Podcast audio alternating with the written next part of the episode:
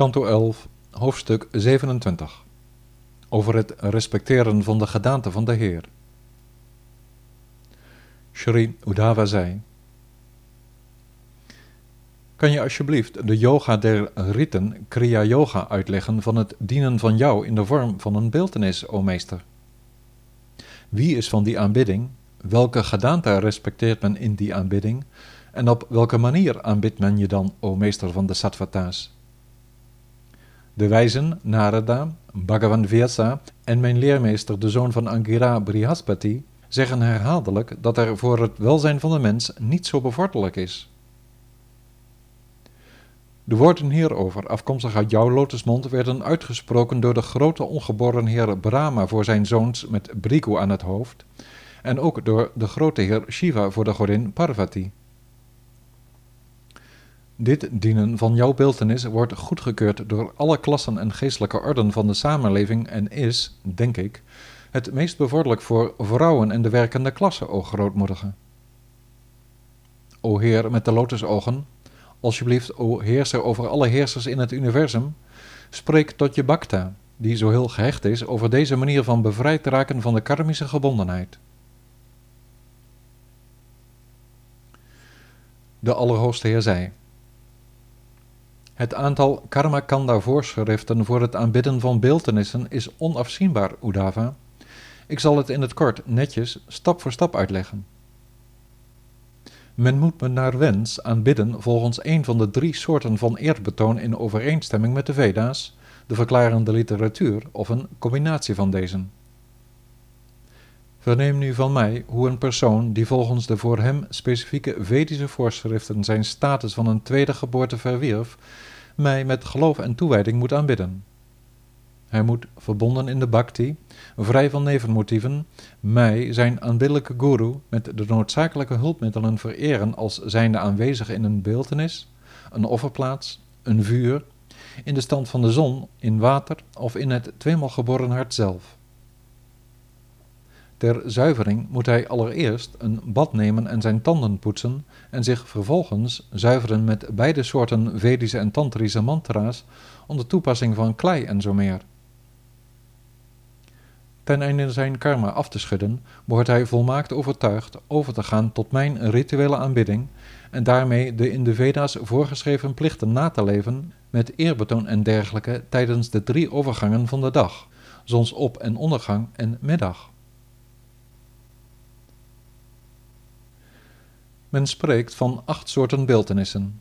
Zij die bestaan uit steen, hout, metaal, een smeerbare substantie zoals klei, een schildering, uit zand, uit edelsteen en uit een mentaal beeld. Van de twee soorten persoonlijke tempelgedaanten die wel en niet worden bewogen, wordt de geïnstalleerde beeltenis O Udava in zijn aanbidding niet tevoorschijn gehaald en weer opgeborgen. Niet geïnstalleerd heeft men deze opties, maar met het toewijzen van een vaste plaats doen zich de volgende twee mogelijkheden voor. Als de gedaante niet uit een smeerbare substantie bestaat of geschilderd is of van hout is, wordt hij gewassen. In alle andere gevallen wordt hij gereinigd zonder water. Er is de aanbidding van de verschillende beeltenissen van mij met hulpmiddelen van de beste kwaliteit, er is de aanbidding door een toegewijde vrij van materiële verlangens met gebruik van wat makkelijk voorhanden is. En er is de aanbidding in het hart, in mentaal opzicht, met enkel liefde. Met een beeltenis in de tempel geniet baden en opsieren de voorkeur, Udava.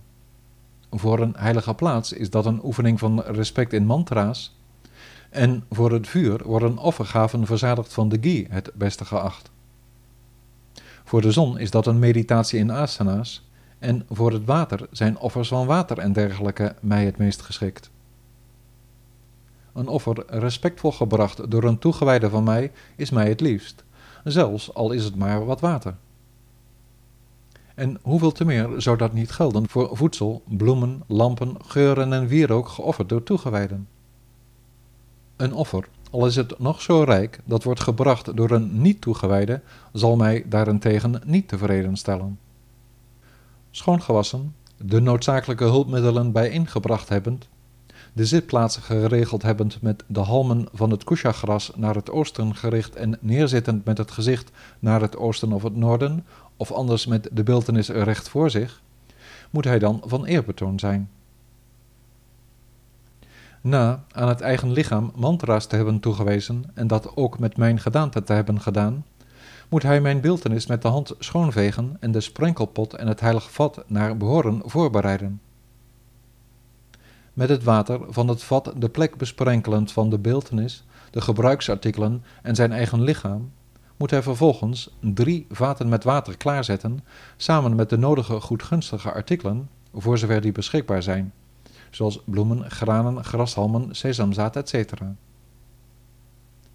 Met de mantras voor het hart, het hoofd en de pluk haar moet de aanbidder dan de drie vaten zuiveren met het water voor zijn voeten, zijn handen en zijn mond, en hetzelfde doen met de Gayatri. Hij boort te mediteren op de oorspronkelijke individualiteit van alle expansies, de hoogst subtiele, bovenzinnelijke gedaante van mij, die in dit lichaam dat volledig gezuiverd werd door de lucht en het vuur, zich bevindt op de lotus van het hart en door de perfecte zielen wordt ervaren in de naklank van de pranava. Met die bemediteerde gedaante vanuit zijn eigen realisatie begrepen, moet hij, van aanbidding zijnde in zijn lichaam en geheel verzonken in gedachten aan mij, mij uitnodigen in de beeltenis en alles wat ermee samenhangt, door mijn ledematen te beroeren met mantra's en vervolgens mij extern eren door puja uit te voeren. Na zich eerst mijn zetel opgetuigd met de negen shaktis en de beeltenissen van het dharma etc. te hebben voorgesteld als een stralende achtbladige lotus met safranen meeldraden in de werveling, moet hij mij het padia, argya en achemana water aanbieden, samen met andere artikelen van aanbidding, ten einde in achting voor zowel de Veda's als de Tantra's de perfectie te bereiken met de twee van plezier en bevrijding. De een na de ander moet hij vervolgens mijn schijfwapen eren, de schelphoorn, knots en pijlen en boog, mijn ploeg en het kaakbeen, mijn juweel, bloemenslinger en krul met witte haren op mijn borst. Ook vereert hij Garuda, Nanda, Sunanda, Prachanda, Chanda, Mahabala, Bala, Kumuda en Kumudekshana, mijn draagvogel en acht metgezellen. Durga, Vinayaka, Vyasa, Vishvakshena, de geestelijke leraren en de halfgoden behoren, ieder op hun eigen plaats met hun gezicht naar de beeltenis gewend, te worden aanbidden met het sprenkelen van water en andere rituelen. Iedere dag moet de beeltenis worden gebaat, voor zover de middelen net toestaan, met verschillende soorten water geparfumeerd met sandelhout, ushira-wortel, kamfer, kunkuma en aguru. Ook moeten er hymnen worden aangeheven, zoals die van een sectie van de Veda's bekend als Swarnagharma, de aanhef genaamd Mahapurusha, de Purusha Shukta uit de Rig Veda en gezangen uit de Samaveda zoals de Rajana en dergelijke. Mijn toegewijde moet me liefdevol sieren met kleding, een heilige draad, sieraden, tilaka-tekens, bloemenslingers en invrijven met geurige oliën op de voorgeschreven manier. Hij die van aanbidding is, moet met geloof mij padia en water aanbieden, als ook geuren en bloemen, ongebroken granen, wierook, lampen en andere artikelen. Naar gelang zijn draagkracht moet hij offers brengen van voedsel als suikerwerk, zoete rijst, rijstmeelcake met ghee, fijn gebak, zoete rijstmeelballen met kokosnoot, hartig zoete tarwecake met ghee en melk, yoghurt en groentesoepen. Op speciale dagen of anders iedere dag moet hij de beeltenis een massage met zalf bieden, een spiegel, een eucalyptusstokje om de tanden te reinigen, een bad, voedsel om te kauwen en voedsel dat niet moet worden gekauwd, als ook zang en dans. In een offerperk, opgezet volgens de voorschriften, moet hij met een gordel om, met een vuurplaats en een verheffing om op te offeren, met de hand een vuur aanleggen en aansteken dat gelijkmatig is opgebouwd. Met het uitspreiden van kushagras, matten en het vervolgens besprenkelen en ceremonieel volgens de regels plaatsen van hout in het vuur, dient hij met het hebben voorzien in het Achamanawatar de artikelen om te offeren te besprenkelen en op mij te mediteren als me bevindend in het vuur.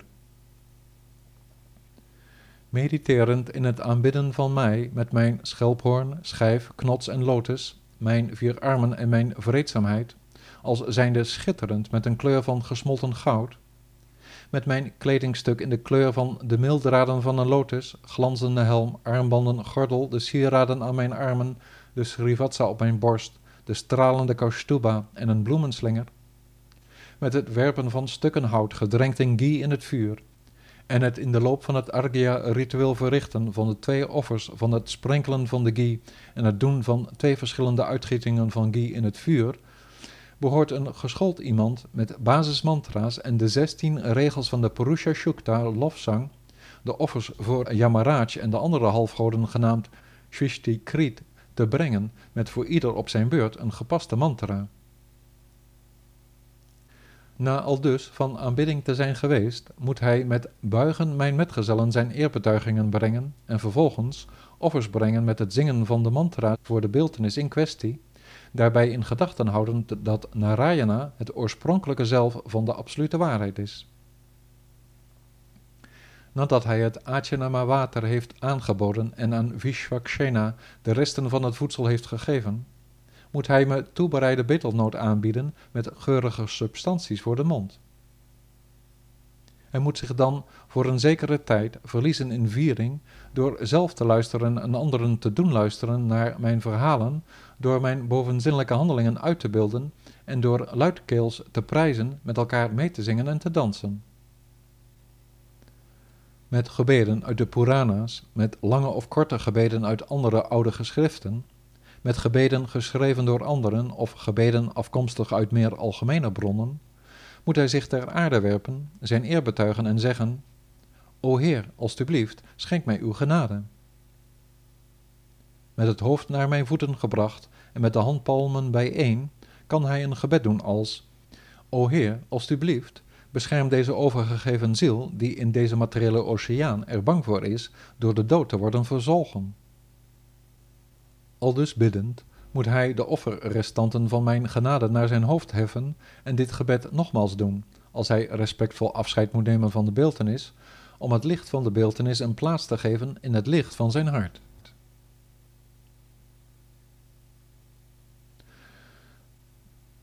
Telkens wanneer men geloof in mij ontwikkelt, in de vorm van welke beeltenis of andere manifestatie ook, moet men die gedaante ook aanbidden, want ik, de oorspronkelijke ziel van allen bevindt me zowel in mijn eigen gedaante als in alle levende wezens. Door al dus van eerbetoon te zijn middels de rituele processen van handelen in yoga, zoals beschreven in de Veda's en de meer toegespitste teksten, zal iemand bij mijn genade, zowel in dit leven als het volgende, de perfectie bereiken die hij zich wenste. Ten einde mijn beeltenis naar behoren een plaats te geven, moet de toegewijde een stevige tempel bouwen en fraaie bloementuinen aanleggen die bloemen verschaffen voor de dagelijkse puja, feestelijke bijeenkomsten en jaarlijkse evenementen. Om de continuïteit te verzekeren van de dagelijkse aanbidding en de jaarlijkse feestdagen, stelt hij land, winkels, steden en dorpen ter beschikking en verwerft hij een wilde gelijk aan die van mij. Met het installeren van een beeltenis bereikt men de gehele aarde. Met het bouwen van een tempel bereikt men de drie werelden. En met het uitvoeren van de puja en andere soortgelijke diensten bereikt iemand de hemel van Brahma. Maar doet men alle drie, dan zal men een kwaliteit, een bovenzinnelijke integriteit bereiken gelijk aan die van mij. Hij die vrij van nevenmotieven mij al dus aanbidt, zal door bhakti yoga zijn bewustzijn verenigen in toewijding en mij bereiken.